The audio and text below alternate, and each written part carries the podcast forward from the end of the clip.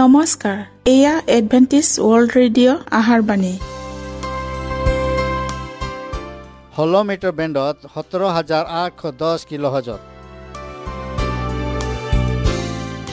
Adventist world radio যোগে অসমীয়া ভাষাত প্ৰচাৰিত আহাৰবাণী প্ৰত্যেক বুধবাৰ আৰু দেওবাৰ সন্ধিয়া সাত বজাত আহাৰবাণী শুনাৰ পিছত আপোনালোকৰ কিবা মন্তব্য আৰু প্ৰশ্ন থাকিলে আমালৈ এই ঠিকনাত লিখক। আমাৰ ঠিকনাটি হৈছে Adventist world radio' seven day Adventist মণ্ডলী অসম শাখা লতাকাটা বশিষ্ঠ গুৱাহাটী সাত আঠ এক শূন্য দুই ন।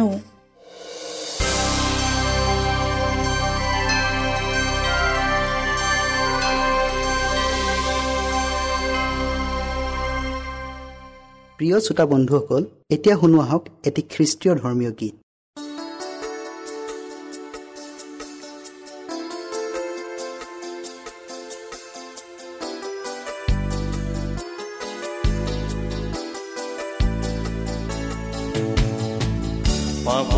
বোজা খান্দত লৈ কিমান দিন থাকিবা তুমি এই সংসাৰ গধুৰ বেদনালৈ কিমান দিন থাকিবা তুমি এই পৃথিৱী পাপৰ বোজা খান্দত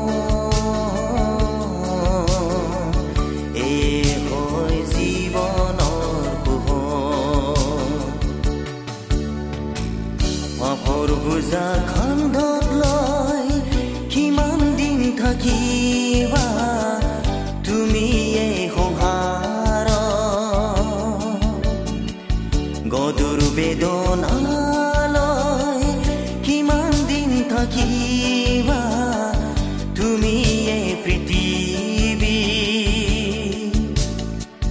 পাপৰ বোজা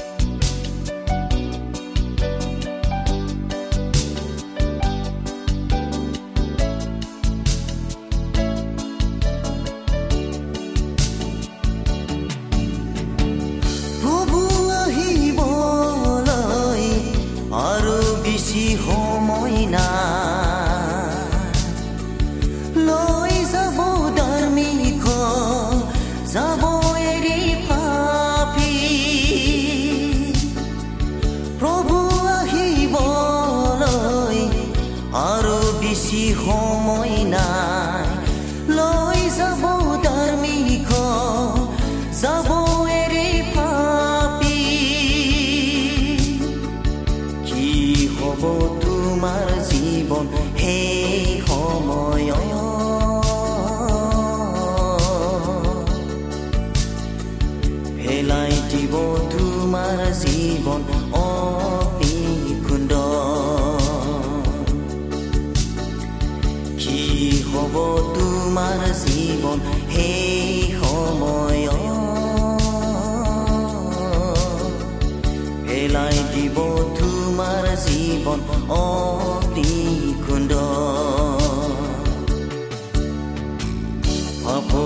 খুন্দত লৈ কিমান দিন থাকিবা তুমি এই সংসাৰ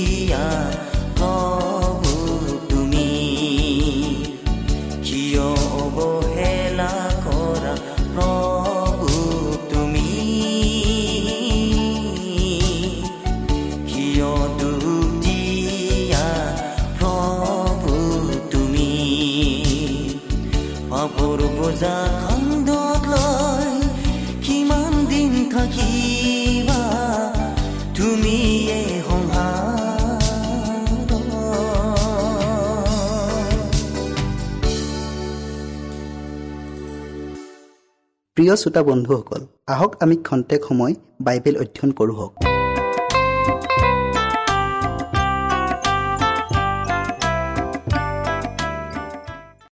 প্ৰিয় শ্ৰোতাসকল আজি আমি পবিত্ৰৰ পবিত্ৰ অতি পবিত্ৰ এই নতুন বিষয়টিলৈ অধ্যয়ন কৰোঁ হওক। অধ্যয়ন কৰাৰ আগতে আমি ঈশ্বৰৰ পৰা আশীৰ্বাদ খোজোঁ হওক। হে জীৱনময় গৰাকী কৰোণাময় ঈশ্বৰ জেহুৱা তোমাৰ নাম ধন্যবাদ হওক। প্ৰভু এতিয়া আমি বিশেষ বিষয় পবিত্ৰৰো পবিত্ৰ অতি পবিত্ৰ এই বিষয়টিলৈ অধ্যয়ন কৰিবলৈ আগবঢ়াইছোঁ। সেই নিমিত্তে প্ৰভু তুমি আমাৰ লগত থাকা আৰু শেষলৈকে চলাই নিয়া। যীশুৰ নামত খুজিলোঁ আমেন। ধৰ্মধাম সম্পৰ্কীয় বিষয়টোৱে আছিল একমাত্ৰ চাবি যিটোৱে নেকি ওঠৰশ চৌৱাল্লিছ চনত নৈৰাক্ষতাৰ ৰহস্যৰ মেৰ পাকটো খুলি দিছিল। ইয়ে সত্যতাৰ এটা সম্পূৰ্ণ দৃশ্যক দাঙি ধৰিছিল আৰু এইটো দেখুৱাই দিছিল যে সেই দ্বিতীয় আগমনৰ মহান অভিযানটোক ঈশ্বৰৰ হাতেৰে পৰিচালনা কৰা হৈছিল। ঈশ্বৰৰ লগত সম্পৰ্ক আৰু সংগতিপূৰ্ণ আছিল আৰু ই যেতিয়া তেওঁৰ লোকসমূহৰ স্থিতি আৰু কৰ্তব্যৰ বিষয়ে জনাই দিছিল। তেতিয়া তেওঁবিলাকৰ সেই সময়ৰ দায়িত্বৰ কথাকো প্ৰকাশ কৰিছিল। যেনেদৰে যীশুৰ শিষ্যসকলে তেওঁবিলাকৰ বিষাদময় আৰু নৈৰাক্ষতাৰ ভয়ংকৰ ৰাতি পাৰ হৈ যোৱাৰ পাছত তেওঁবিলাকে তেওঁবিলাকৰ প্ৰভুক দেখি অতিশয় আনন্দিত হৈছিল। ঠিক তেনেদৰে সেইসকলেও তেতিয়া আনন্দ কৰিব পাৰিছিল। যিসকলে বিশ্বাসৰ গুণে তেওঁৰ দ্বিতীয় আগমনক দেখা পাইছিল। তেওঁবিলাকে তেওঁক প্ৰতাপ আৰু মহিমাৰে তেওঁবিলাকৰ মাজত উপস্থিত হৈ নিজৰ দাহবিলাকক পুৰস্কাৰ দিব বুলি আকাংক্ষা কৰিছিল। যেতিয়া তেওঁবিলাকৰ আশাবোৰ নিৰাশাত পৰিণত হৈছিল তেতিয়া তেওঁবিলাকৰ দৃষ্টিৰ পৰা যীশু খ্ৰীষ্ট হেৰাই গৈছিল। আৰু সেই কবৰস্থানত মগদলিনে মৰিয়মে যীশুক নেদেখি কন্দাৰ দৰে তেওঁবিলাকেও উচুপি উচুপি কান্দিছিল। তেওঁবিলাকে মোৰ প্ৰভুক নিলে আৰু তেওঁবিলাকে তেওঁক নি ক'ত বা থলে তাক মই নাজানো। এতিয়া পবিত্ৰ পবিত্ৰ অতি পবিত্ৰ স্থানত তেওঁবিলাকে তেওঁক আকৌ এবাৰ দেখা পাইছিল। তেওঁবিলাকৰ পৰম দয়ালু প্ৰধান পুৰোহিতজনা অতি সোনকালে ৰজাৰ দৰে আহি তেওঁবিলাকক উদ্ধাৰ কৰিব। ধৰ্মধামৰ পৰা ওলোৱা পোহৰেৰে অতীত বৰ্তমান আৰু ভৱিষ্যতটোকো পোহৰ কৰি পেলাইছিল। তেওঁবিলাকে জানিছিল যে ঈশ্বৰে তেওঁবিলাকক তেওঁৰ অপ্ৰমাদী দয়াৰে চলাই লৈ গৈছিল। প্ৰথম পাচনিবিলাকৰ দৰে যদিও তেওঁবিলাকে নিজেই তেওঁবিলাকে প্ৰচাৰ কৰা বাণীত বুজিবলৈ সক্ষম হোৱা নাছিল তৎসত্বেও এই বাণীৰ প্ৰতিটো শব্দ শুদ্ধ আছিল। ইয়াৰ প্ৰচাৰ কৰি তেওঁবিলাকে ঈশ্বৰৰ উদ্দেশ্যক সামফল কৰিছিল আৰু প্ৰভুৰ নামত কৰা তেওঁবিলাকৰ পৰিশ্ৰম অতলে যোৱা নাছিল। নতুন আশাত পুনৰ জন্ম পাই তেওঁবিলাকে আনন্দত উৎফুল্লিত হৈ পৰিছিল আৰু প্ৰকাশ কৰিব নোৱাৰা। আনন্দ আৰু সম্পূৰ্ণ গৌৰৱত তেওঁবিলাকে আপ্লুত হৈছিল। প্ৰিয় শ্ৰোতাসকল দানিয়েল ভাৱবাণীৰ আঠ অধ্যায়ৰ চৈধ্য পদৰ দুই হাজাৰ তিনিশ দিন পাছে ধৰ্মধাম সূচী কৰা যাব আৰু প্ৰথম স্বৰ্গদূতৰ বাণী ঈশ্বৰক ভয় কৰি তেওঁৰ গৌৰৱ স্বীকাৰ কৰা হওক। কিয়নো তেওঁৰ সোধ বিচাৰৰ সময় আছিল। এই দুয়োটা ভাৱবাণীয়ে অতি পবিত্ৰ স্থানত সম্পাদন কৰা কৃষ্টৰ পৰিচৰ্যাকে আঙুলিয়াইছিল। অনুসন্ধানমূলক বিচাৰকে আঙুলিয়াইছিল কিন্তু তেওঁৰ নিজৰ লোকবিলাকক উদ্ধাৰ কৰিবলৈ আৰু দুষ্ট অধাৰ্মিক লোকবিলাকক ধ্বংস কৰিবলৈ অহা কৃষ্টৰ দ্বিতীয় আগমনক আঙুলিওৱা নাছিল। তেওঁবিলাকে যিটো ভুল কৰিছিল সেইটো ভুল। তেওঁবিলাকৰ ভাৱবাণীৰ সময় গণনা কৰা পদ্ধতিত নাছিল। কিন্তু দুই হাজাৰ তিনিশ দিনৰ অন্তত ঘটিবলগীয়া ঘটনাৰ সংক্ৰান্ততহে ভুল কৰিছিল। এই ভুলটোৰ বাবেই বিশ্বাসীসকলে গভীৰ নিৰাশাত ভুগিবলগীয়া হৈছিল। কিন্তু এই সকলোবোৰৰ বিষয়ে ভৱিষ্যতবাণীৰ দ্বাৰাই আগতে কৈ থোৱা আছিল আৰু শাস্ত্ৰ বাক্যত যিবোৰ লিখা আছিল সেইবোৰ আখৰে আখৰে ফলিয়াইছিল যি সময়ত তেওঁবিলাকে তেওঁবিলাকৰ আশা পূৰণ হোৱা নেদেখি দুখ আৰু নিৰাশাত ম্ৰিয়মান হৈ বিলাপ কৰিছিল ঠিক সেই সময়তে সেই ঘটনাটো সংঘটিত হৈছিল। যিটোক সেই বাণীটোৰ দ্বাৰাই আগতে কৈ থোৱা আছিল আৰু যিটো ঘটনা প্ৰভুৱে নিজৰ দাহবিলাকক পুৰস্কাৰ দিবলৈ উপস্থিত হোৱাৰ আগতে নিশ্চিতভাৱে ফলিয়াবলগীয়া আছিল। কৃষ্ট আহিছিল কিন্তু তেওঁবিলাকে আকাংক্ষা কৰাৰ দৰে পৃথিৱীলৈ অহা নাছিল। কিন্তু প্ৰৰূপিত আৰ্শীস্বৰূপে দেখুওৱাৰ দৰে স্বৰ্গত অৱস্থিত ঈশ্বৰৰ মন্দিৰৰ অতি পবিত্ৰ কোটালিটোলৈ আহিছিল। দানিয়েলে তেওঁক অনাদিকালৰ পৰা অহা পুৰুষজনাৰ দ্বাৰাই বুজাইছে। তেওঁ এইদৰে লিখিছে মই ৰাতি দৰ্শনত চাই দেখিলোঁ আকাশৰ মেঘত মানুহৰ পুত্ৰৰ নিচিনা এজনা পুৰুষ আহি সেই অনাদিকালৰ বৃদ্ধজনাৰ গুৰিত উপস্থিত হ'ল। দানিয়েল সাত অধ্যায়ৰ তেৰ পদত। এনেদৰে উপস্থিত হোৱা কথাটোক মলাখী ভাৱবাদী গৰাকীৰ দ্বাৰাইও ভৱিষ্যবাণী কৰি থোৱা আছে। যিজনা প্ৰভুক তোমালোকে বিচাৰিছা তেওঁ অকস্মাতে নিজ মন্দিৰলৈ আহিব। এনেকি নিয়মৰ যিজনা বাৰ্তাবাহক যিজনাত তোমালোকে আনন্দিত হোৱা চোৱা তেওঁ আহিব। ইয়াক বাহিনীবিলাকৰ জিহুৱাই কৈছে। মলাখী তিনি অধ্যায়ৰ এক পদত নিজৰ মন্দিৰলৈ প্ৰভুৰ যি আগমন হ'ব সেয়া অকস্মাতে হ'ব আৰু তেওঁৰ লোকবিলাকৰ বাবে অনাকাংক্ষিত হ'ব। তাত তেওঁবিলাকে তেওঁলৈ চাই থকা নাছিল। তেওঁবিলাকে তেওঁক জ্বলন্ত অগ্নিত নামি আহি ঈশ্বৰক নজনা আৰু সুবাৰ্তা পালন নকৰা লোকবিলাকক প্ৰতিফল দিবলৈ পৃথিৱীতহে আহিব বুলি আকাংক্ষা কৰিছিল। কিন্তু লোকবিলাকে তেতিয়াও তেওঁবিলাকৰ প্ৰভুজনাক সাক্ষাৎ কৰিবলৈ নিজকে প্ৰস্তুত কৰা নাছিল। তেতিয়াও নিজকে প্ৰস্তুত কৰিবলৈ তেওঁবিলাকে কৰিবলগীয়া এটা কাৰ্য বাকী আছিল। তেওঁবিলাকৰ মনবোৰক স্বৰ্গত থকা ঈশ্বৰৰ মন্দিৰটোৰ ফালে চলাই নিবলৈ তেওঁবিলাকক পোহৰ প্ৰদান কৰিবলগীয়া আছিল আৰু যেতিয়া তেওঁবিলাকে বিশ্বাসৰ গুণে তেওঁবিলাকৰ মহাপুৰুষিতে তাত অৰ্থাৎ স্বৰ্গীয় ধৰ্মধামত কৰা পৰিচৰ্যাক অনুসৰণ কৰিব তেতিয়া তেওঁবিলাকৰ বাবে নতুন দায়িত্ব প্ৰকাশ কৰিবলগীয়া আছিল। মণ্ডলীক আন এটা সতৰ্কতাৰ বাণী আৰু নিৰ্দেশনা দিবলগীয়া আছিল। ভাৱবাদীগৰাকীয়ে এইদৰে কৈছে কিন্তু তেওঁৰ আগমনৰ দিন কোনে সহিব পাৰিব? আৰু তেওঁ দৰ্শন দিলে কোনে তিষ্টিব পাৰিব? কিয়নো তেওঁ কপোতাৰ জুই আৰু ধুবাৰ কাৰ স্বৰূপ। তেওঁ সোণ কপোতাৰ আৰু ৰূপ শুদ্ধ কৰোতাৰ দৰে বহি লেবীৰ সন্তানবিলাকৰ শুদ্ধ কৰিব। সোণ আৰু ৰূপৰ নিচিনাকৈ তেওঁবিলাকৰ ভাজ উলিয়াব। তাতে তেওঁবিলাকে যি হোৱাৰ উদ্দেশ্যে ধাৰ্মিকতাৰে নৈবেদ্য উৎসৰ্গ কৰিব মলাশী তিনি অধ্যায়ৰ দুই আৰু তিনি পদত আপোনালোকে পঢ়িব।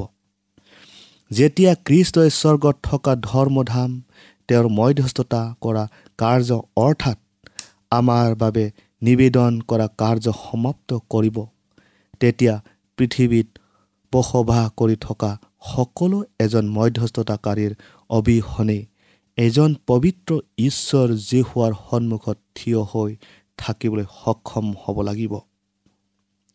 তেওঁবিলাকৰ সাজ পোছাকবোৰ দাগ নথকা হ'বই লাগিব। তেওঁবিলাকৰ স্বভাৱ চৰিত্ৰবোৰ কৃষ্টৰ তেজৰ দ্বাৰাই ধোৱা হৈ পাপমুক্ত হৈ সূচী আৰু পবিত্ৰ হ'বই লাগিব। পাপ আৰু অধাৰ্মিকতাৰ সৈতে হোৱা যুদ্ধত তেওঁবিলাকে ঈশ্বৰৰ অনুগ্ৰহ আৰু তেওঁবিলাকৰ নিজ প্ৰচেষ্টাৰে বিজয়ী হ'বই লাগিব। স্বৰ্গত অনুসন্ধানমূলক বিচাৰ চলি থকা অৱস্থাতে অনুতাপিত বিশ্বাসীসকলৰ পাপবোৰ ধৰ্মধামৰ পৰা আঁতৰ কৰি থকা অৱস্থাতে পৃথিৱীত বাস কৰি থকা ঈশ্বৰৰ লোকবিলাকৰ মাজৰ পৰা পাপ দূৰ কৰাৰ দৰে সূচীকৰণক এক বিশেষ কাৰ্য কৰিব লাগিব। এই কাৰ্যটোৰ বিষয়ে প্ৰকাশিত বাক্যৰ চৈধ্য অধ্যায়ৰ বাণীত অধিক স্পষ্টভাৱে বিৱৰণ দাঙি ধৰা হৈছে। প্ৰিয় শ্ৰোতাসকল এইটো কাৰ্য কৰি যেতিয়া সমাপন কৰা হ'ব তেতিয়া খ্ৰীষ্টৰ অনুসৰণকাৰীসকলে তেওঁৰ আগমনৰ বাবে পূৰ্ণ পৰ্যায়ত প্ৰস্তুত হ'ব পাৰিব।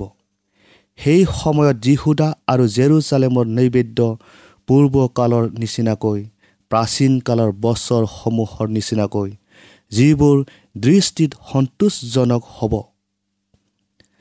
তেতিয়া সেইখন মণ্ডলী যিখন মণ্ডলীক আমাৰ প্ৰভুৱে তেওঁৰ আগমনৰ সময়ত নিজ হাতেৰে গ্ৰহণ কৰি ল'ব সেইখন মণ্ডলী এখন গৌৰৱময় মণ্ডলী হ'ব।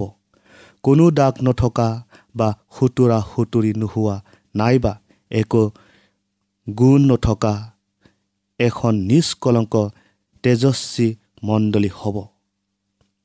তেতিয়া তাইৰ ৰূপ চলোমনৰ গীতত গোৱা গীতটিৰ নিচিনা হ'ব।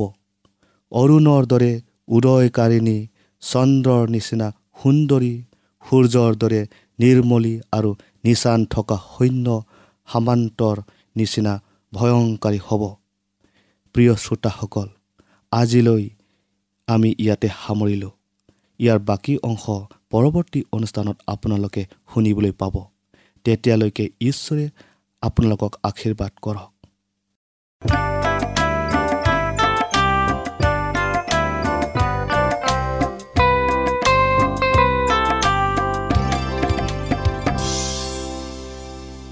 ইমানপৰে আমি বাইবেল অধ্যয়ন কৰিলোঁ। এতিয়া আকৌ শুনো আহক এটি খ্ৰীষ্টীয় ধৰ্মীয় গীত।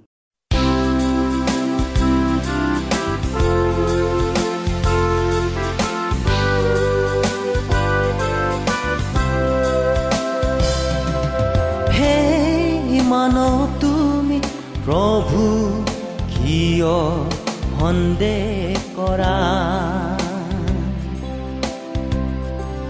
হে মানৱ তুমি প্ৰভু কিয় সন্দেহ কৰা? সময় নাই আৰু নাই। সময় নাই আৰু নাই। সেয়া পৃথিৱী হৈ আহিল হাই উৰুমি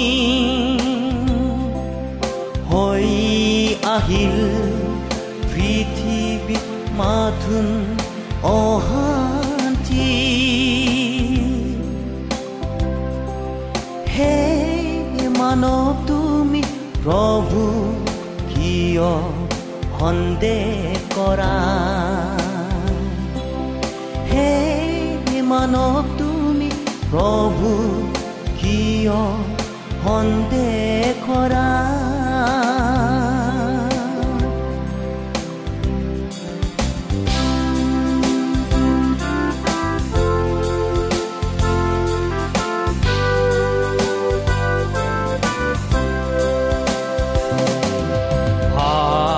সমুদ্ৰ কিমান পলম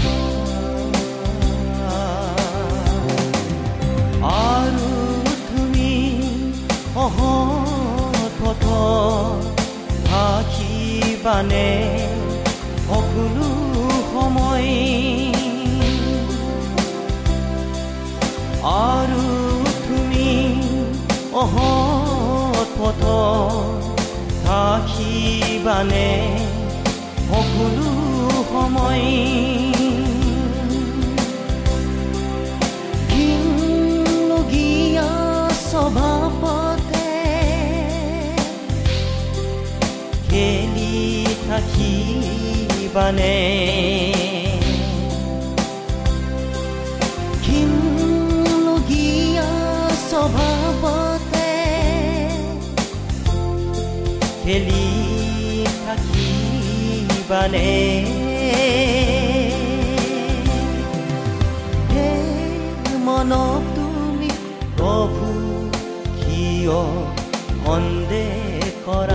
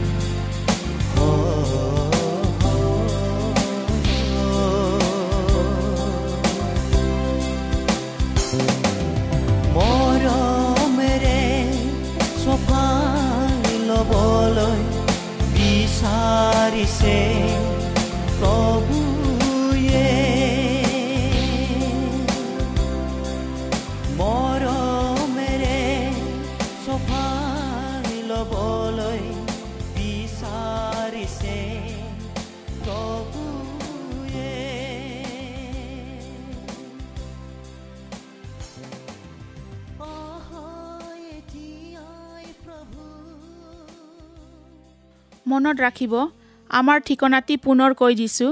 Adventist world radio' Assam region of seven day Adventist voice of hope Latakata Basistha Guwahati seven eight one zero' two nine প্ৰিয় শ্ৰোতা বন্ধুসকল এডভেণ্টিজ ৱৰ্ল্ড ৰেডিঅ' যোগে আহাৰবাণী প্ৰচাৰত আপোনালোকক পুনৰ লগ পোৱাৰ আহাৰে আজিলৈ সামৰিলোঁ। ধন্যবাদ।